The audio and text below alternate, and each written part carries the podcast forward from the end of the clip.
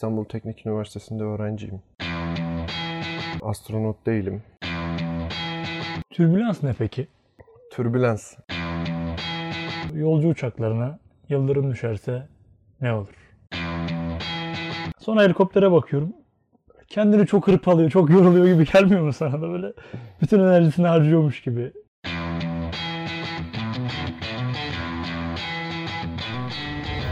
Edebiyat, kültür, sanat, tarih, medeniyet, sinema. Kulağa havalı gelen tüm başlıklara göz kırpan podcast Halbuki başlıyor. Hanımlar beyler podcast Halbuki'nin ikinci sezonuna hepiniz hoş geldiniz. Uzun bir aradan sonra tekrar birlikteyiz. Bugün bir konuğumuz var. Muhammed Hüseyin Yılmaz. Hoş geldin abi. Hoş bulduk kardeşim. Nasılsın? Nasıl gidiyor hayat? İyiyim çok şükür. Okul, öğrencilik hayatı. Bunun yanında ilgilendiğimiz işte bu havacılık sektörüyle ilgili. Özellikle SİHA'lar, İHA'lar. Bunların araştırmaları, bunların projeleri falan idare ediyoruz. Sen nasılsın? İyi abi çok şükür biz de uzun zamandır podcast yapmıyorduk. Bugün tekrardan başladık. Senin de söylediğin gibi bugün havacılık ve savunma sanayi konuşacağız. Öncelikle şunu sorayım. Muhammed Hüseyin Yılmaz kimdir? Şöyle kısaca kendinden bahsedersen dinleyenlerimiz için iyi olur. Ben Muhammed Hüseyin Yılmaz. Ee, İstanbul Teknik Üniversitesi'nde öğrenciyim. Uzay mühendisliğinde. Ee, astronot değilim. ya da olmayacağım astronot. Tabi böyle bir fırsatımız da var ama genel olarak böyle anlaşıldığı için bunu hep belirtmek zorunda kalıyorum uzay mühendisliği. Şimdi dedin ki astronot olmayacağım uzay mühendisliğinden. Uzay mühendisliği nedir peki? Belki bu alanı tercih etmek isteyecek gençler olabilir. Bu alan hakkında da kısaca bilgi verelim. Ne iş yaparlar? Mezun olduklarında Aslında uzay mühendisliği e, ve uçak mühendisliği, uçak ve uzay mühendisliği diye geçer genelde. Yani dünyada da böyle geçiyor ama e, bir kısım üniversitelerde de uçak ve uzay mühendisliği ayrı olarak geçiyor. Bu sadece Türkiye'de değil, dünya üzerinde de böyle olan üniversiteler var. Uçak mühendisliğini genelde insanlar bildiği için onun üzerinden bir örnek vermem gerekirse %80 programlarımız ortak. Uçakta, uzayda makineden özelleşmiş, makine mühendisliğinden özelleşmiş bölümler aslında. Programımızın yaklaşık %50'si hatta %60'ı diyebiliriz makine derslerinden oluşuyor. Daha sonrasında e, bunun yanında elektronik ve kontrol üzerine de aslında dersler alıyoruz veya bu alanlara yöneliyoruz. Bunun sonucunda da aslında interdisipliner bir bölüm ortaya çıkıyor. Özellikle aerodinamik veya hava akışını e, baz alan bir alan olduğu için uçakta, uzayda bu alanda özelleşiyoruz aslında. Daha sonra e, bitirdiğimizde de yaklaşık ya Türkiye'de uzay çok e, tutunabileceğimiz bir yer olmadığı için yani mezunları Türkiye'de ne gibi alanlarda istihdam ediliyorlar? Hangi alanlarda çalışabilirler yani? Yani şöyle genelde e, ya tabii roket alanında da çalışabiliyoruz. Hani biz itki sistemleri roket üzerine olduğu için bizde e, roket alanında da çalışabiliyoruz ama genelde havacılık e, üzerine çalışılıyor Türkiye'de.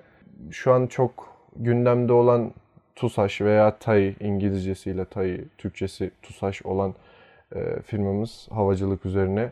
TÜBİTAK'ın uzay kısmında veya diğer işte silah geliştirme veya füze geliştirme yerlerinde de çalışabiliyoruz.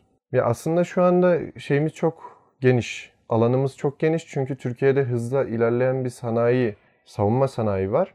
Ve bu alanda da özellikle uçak ve uzay mühendislerine çok iş düşüyor. Ki Türkiye'de de az yerde bulunduğu ve yetiştiği için bu meslek grubu iyi bir meslek seçimi diyebilirim kendi adıma veya önerebileceğim insanlar için. Tavsiye edersin yani bu bölümü. Tavsiye ederim kesinlikle. Peki dedin ki savunma sanayi gelişiyor. Genelde havacılık alanında çalışıyoruz. Havacılık deyince ne anlayacağız peki? Savunma sanayi deyince ne anlamalıyız? Yani havacılık nedir diyerek başlayalım. Ya aslında havacılık deyince ben öncelikle bir ikiye ayırmak isterim. Birincisi sivil havacılık, ikincisi e, askeri havacılık olmak üzere veya e, direkt savunma teknolojileri üzerine.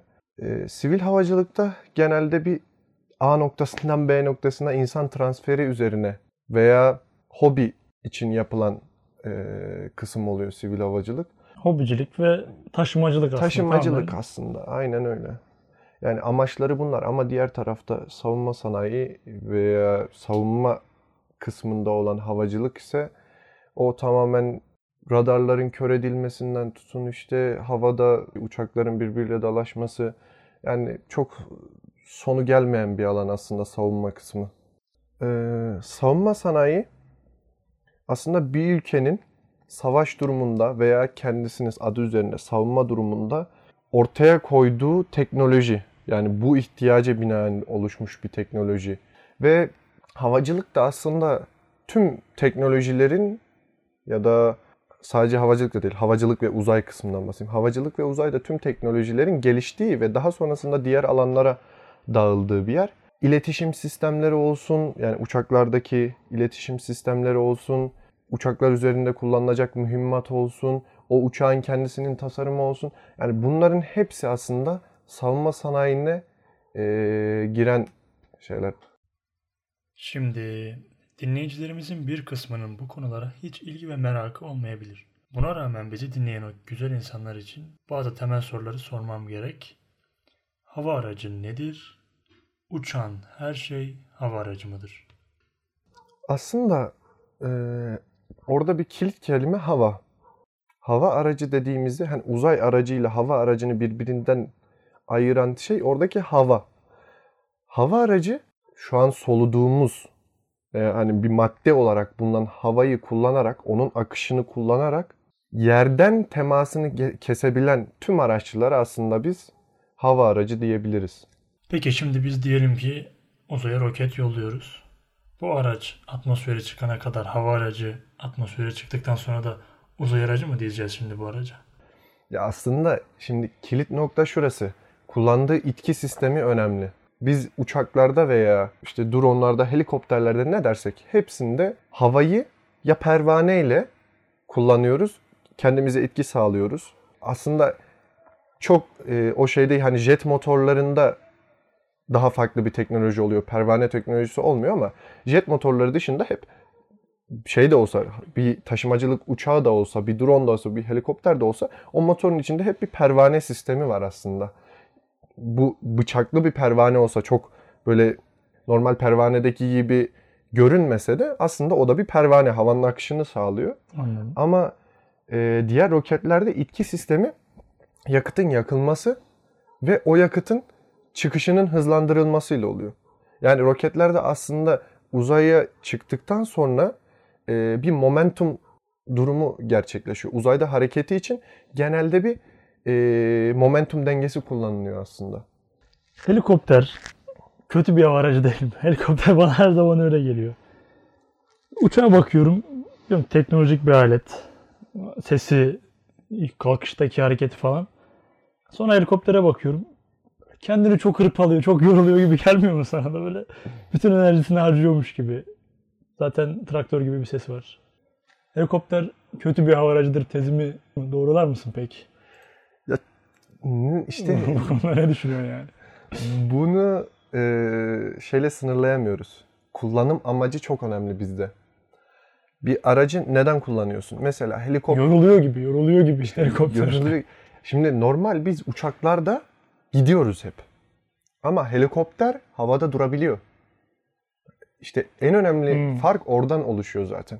Helikopter havada asılı kalabilir veya döner kanatlı bir cihaz, e, hava aracı havada asılı kalabilirken uçaklar veya daha e, sabit kanatlı dediğimiz e, kanatlarından itki şey e, kaldırma kuvveti oluşturularak havada kalması sağlanan araçlarda ise sürekli bir itki oluşması gerekiyor. Sürekli bir hareket olması gerekiyor. O yüzden kullandığımız alan çok önemli. Havada asılı kalması gerekiyorsa yapacağımız görev itibariyle veya yapı, e, insan taşımacılığında da direkt dik olarak kalkabiliyor. Olduğu yerden dik olarak havalanabiliyor ama Evet. bir uçağı dik olarak havalandıramıyoruz. Tabii bununla ilgili de gelişen teknolojiler var. Dikey kalkış, sabit kanat gibi gidebilen uçaklarda yapılmakta şu an ama en büyük farkı bu aslında.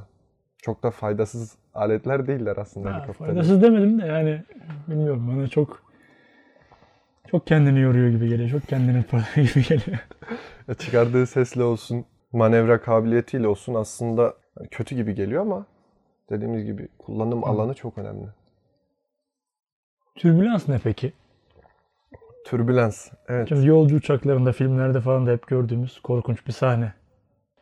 Türbülans. Yani çok senin alanın olmasa da böyle genel bir Ya aslında bu benim alanım. Çünkü biz özellikle bu akışkanlar dinamiği ve şey akışkanlar dinamiği, mekaniği veya işte aerodinamik dedim az önce. Bu hava akışını inceliyoruz zaten sürekli. Onu simüle etmeye de çalışıyoruz. Ben kontrol çalışıyorum ama bunların eğitimini de alıyoruz. O yüzden ona cevap verebilirim. Türbülans havanın akışındaki düzensizlik aslında. Bir sigaradan örnek verebilirim bunu. Şimdi sigarayı elinize alıp yaktığınızda ilk başta duman dümdüz olarak havaya doğru yükselir. Buradaki İngilizce adıyla laminar flow, flow'dur. Yani düz akış. Bozuntu yok içinde. Düz bir akış. Ama sigara dumanı yükseldikçe böyle karışmaya başlar. Böyle dalga dalga olmaya başlar. Havada da böyle yayılır. evet. İşte orası türbülanslı akış kısmı. İşte havada da o düzensizlik olmaya başladığı zaman veya bir yerde sıcak hava, soğuk hava birbiriyle karşılaştığı yerde e, veya e, bir basınç farkının oluştuğu yerde havada bir anda boşluklar oluşabilir. Hava düzensiz akıyor olabilir. Hareket eden uçağınızda veya helikopterinizde neyse. E, bu da sizin orada bir kısa süreli ya da ufak bir irtifa kaybınıza veya büyük irtifa kayıplarına tabii türbülansın tipine, büyüklüğüne bağlı e, bir akış dengesi, dengesizliği sizi e, uçağınızı, aracınızı çok hırpalayabilir yani. Eyvallah. Peki insanların merak ettiği konulardan biri, şöyle internette baktığımızda da, çevremizde insanlara sorduğumuzda da yolcu uçaklarına yıldırım düşerse ne olur? Aslında bu çok korkutucu bir konsept olarak görülüyor ama bunun açıklaması Faraday kafesleriyle çok kolay şekilde anlaşılabiliyor. Nedir Faraday kafesi? Faraday kafesleri nedir? Bir kafes sistemi düşünün. Bir şeyin etrafını sarmış. Bir herhangi bir şey olabilir. Bir kafes. Kafesin üzerinden elektrik verdiğimiz zaman o elektrik hiç içeri girmiyor. Yani içerideki insana zarar vermiyor. Görmüştür herkes. Bir insan böyle bir tane kafesi açıp içine giriyor ve üzerinden işte binlerce volt elektrik verilmesine rağmen iç- içerideki insana hiçbir şey olmuyor. Yukarıda şimşekler çakıyor böyle kafesin Evet. üzerinde. Ama o insana hiçbir şey olmuyor. İşte aslında uçaklarda da aynı prensip söz konusu. Orada bir Faraday kafesi oluşturuluyor yapılan ye- yeni teknolojilerle. O Faraday kafesi içeriye elektronik sisteme zarar vermemesini sağlıyor. Özellikle elektronik sisteme. Tabii ani akım geçişin- geçişinden dolayı bazı elektronik sistemlerde arıza, hasar olabiliyor ama bu, bu elektronik sistemlerin zaten hepsi, he- çoğunun yedeği olduğu için hemen akabinde yedeği devreye giriyor. O yüzden de direkt aldığı enerjiyi, yukarıdan aldığı enerjiyi aşağıya aktarıyor aslında. Kanatların Yani uçlarından Etrafından geçiyor yani. Etrafından Tamamen. geçip aşağı aktarılıyor, devam ediyor yani elektrik. Hiçbir şey olmamış gibi genelde. Çünkü çok karşılaşılan bir şey, e, bir durum. Yaklaşık 300 uç- uçuşta her pilotun bir defa başına gelen bir şey olduğu söyleniyor. Peki şimdi gelelim insansız hava araçlarına. İnsansız hava aracı İHA nedir? Nerelerde kullanılır? Bunları ne zaman yapmaya başladık? Aslında İHA dediğimiz zaman zaten baktığımızda insansız hava araçları. Ee, burada o insansız hava ve araçları bunun tümünü tam- tanımlıyor aslında bu alanın. Havada ve havayı ilk başta bir hava aracının tanımını yapmıştık ya. İşte o hava araçlarının insansız olarak uzaktan veya kendini o yapay zeka dediğimiz yeni gelişen Otonom bir alanda, olarak. otonom olarak e, uçur, uçabilmesi, uçurulabilmesi veya kendisinin uçabilmesi kastediliyor aslında bu insansız hava araçlarıyla. İnsan olmadığı sürece hava araçlarının hepsi insansız hava aracı oluyor. Buna ne dersek diyelim. E, Yani drone da bir ha- İHA aslında. Drone da bir İHA aslında. Aynen öyle. E, bunun tarihine bakacak olursak insansız hava araçlarının aslında Birinci Dünya Savaşı'ndan öncelere dayanan veya Birinci Dünya Savaşı'na yaklaşık dayanan bir tarihi var insansız hava araçlarının. O dönemlerde var mı insansız hava aracı? Evet yani genelde ilginç geliyor. Ben, ben de ilk artık bu, bunun tarihiyle ilgili araştırma yaptığımda çok bana da ilginç gelmişti. İlk olarak aslında bu bombaların taşınıp başka bir yere gönderilmesi insansız hava araçlarıyla sağlanmaya çalışılıyor. Yani aslında ilk yapılan füze sistemleri veya ilk dediğim gibi o bombalar bir insansız hava aracı gibi hareket ediyor. Ve gittiği yerde e, kendini imha ediyor. Veya onun dışında balonlar var. Balon da aslında balon da bir tür e, insansız hava aracı. Tabii bu şişirip oynadığımız balondan bahsetmiyorum da e, bu meteorolojide kullanılan balonlar var. Havaya gönderilip oradan e, elektronik ekipmanlarıyla Evet. tespitler yapan. Savaşlarda gözlem için kullanılan.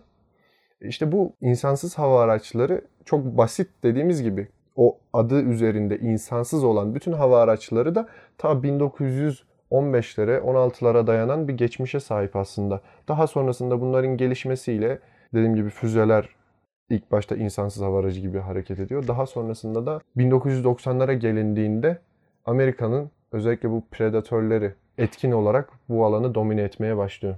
Peki İHA'lar başka hangi alanlarda kullanılabilirler?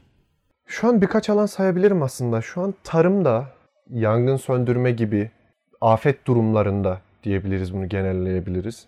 Habercilikte, trafiğin kontrol edilmesinde, ya daha aklımıza gelebilecek bütün alanlarda aslında gözlem yapabileceğimiz veya bir şeye müdahale müdahale edebileceğimiz e, her durumda şey dronları kullanabiliyoruz ve özellikle de taşımacılıkta da dronların şu an kullanılmaya başlamasıyla özellikle şu an hatta Türkiye'de PTT'nin Amerika'da Amazon'un böyle bir projesi var. E, Daha birçok tabii şeyin firmanın projesi var da bizim bize yakın olanı ve en gelişmiş olanı söyledim az önce. Taşımacılıkta da özellikle dronlar dronların taşımacılıkta kullanılmasında da çok ciddi bir efor sarf ediliyor şu an. Bu kargoları veya paket servisleri taşıyabilirler mi? taşıyabilirler ve bununla ilgili bir hem otonom taşımacılık da özellikle söz konusu olacak. Çünkü zaten Hmm. şu an şeyle Konumunu, adresini bildirdikten sonra kendisi pakete götürecek mi? aynen öyle. Yani bunun üzerine çalışılıyor. Tabii bunun özellikle sosyal planlaması da çok önemli. Evet, sosyal ve hukuki planlaması önemli burada. Sonuçta drone Evet, kamera taşıyan bir kesinlikle. malzeme ve balkondan teslim edecek diye varsayıyorum. Yani ya da Evet. evin önüne bırakabilir. Aynen. Ona benzer.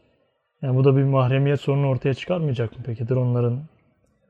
Görüntü kaydedebilen bir uçan bir aracın Evet. tüm evlere ve konumlara gidebilmesi ve rahatça dolaşabilmesi ve bunun hukuki ve sosyal bir planlamasının yapılması gerekmez mi? Şöyle aslında yerine göre eee, kamera kullanımı söz konusu oluyor dronlarda.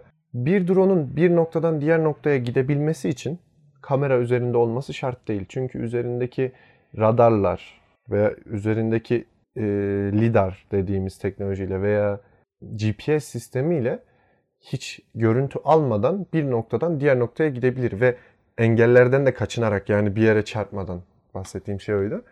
E, gidebilir. Yani mesela şehir içinde kullanılacak olan ve taşımacılıkta özellikle e, yer alacak olan dronlarda kamera olması zorunlu değil. Ha bunun diğer türlü kamera olan dronlarda e, böyle bir sorun ortaya çıkarmaya gelirsek dronların her ülkede yasaları var. Ve bu yasalarla insanlara en yakın uçabilecekleri e, mesafe veya izin dahilinde uçabilmeleri gibi şeyler söz konusu. Engellemeler, kısıtlama, kısıtlamalar söz konusu. Bu yüzden de Türkiye'de mesela bunu Türkiye'de nedir bunun sınırlaması dersek mesela bir drone'u en fazla kendinizden 500 metre uzaklığa kadar uçara, uçurabilirsiniz. Özel izniniz yoksa çok özel değilse. Yani bir şey bir drone'u özellikle ürettiğiniz savunma sanayinde kullanılacaktır. Bunun testleri için değil tabii bu ama sivil olarak kullanılacak dronların 500 metre görünür mesafede e, uçması gerekiyor ve insanlara en yakın 50 metrede uçması gerekiyor yerleşim yerlerine. Bu yüzden de bu e, uçuş şartları yasalarla iyi sınırlandırılırsa aslında çok da bir mahremiyet sorunun oluşacağını düşünmüyorum ben. Bilmiyorum şimdi istismar edilebilir de bir alan gibi geliyor bana. O yüzden insanların bu konuda mahremiyet endişesi olması mantıklı ama hukuki ve sosyal planlama olduğu için seni daha fazla darlamayacağım bu konuda. Edebiyat, kültür, sanat, tarih, medeniyet, sinema. Kulağa havalı gelen tüm başlıklara göz kırpan podcast halbuki addicted.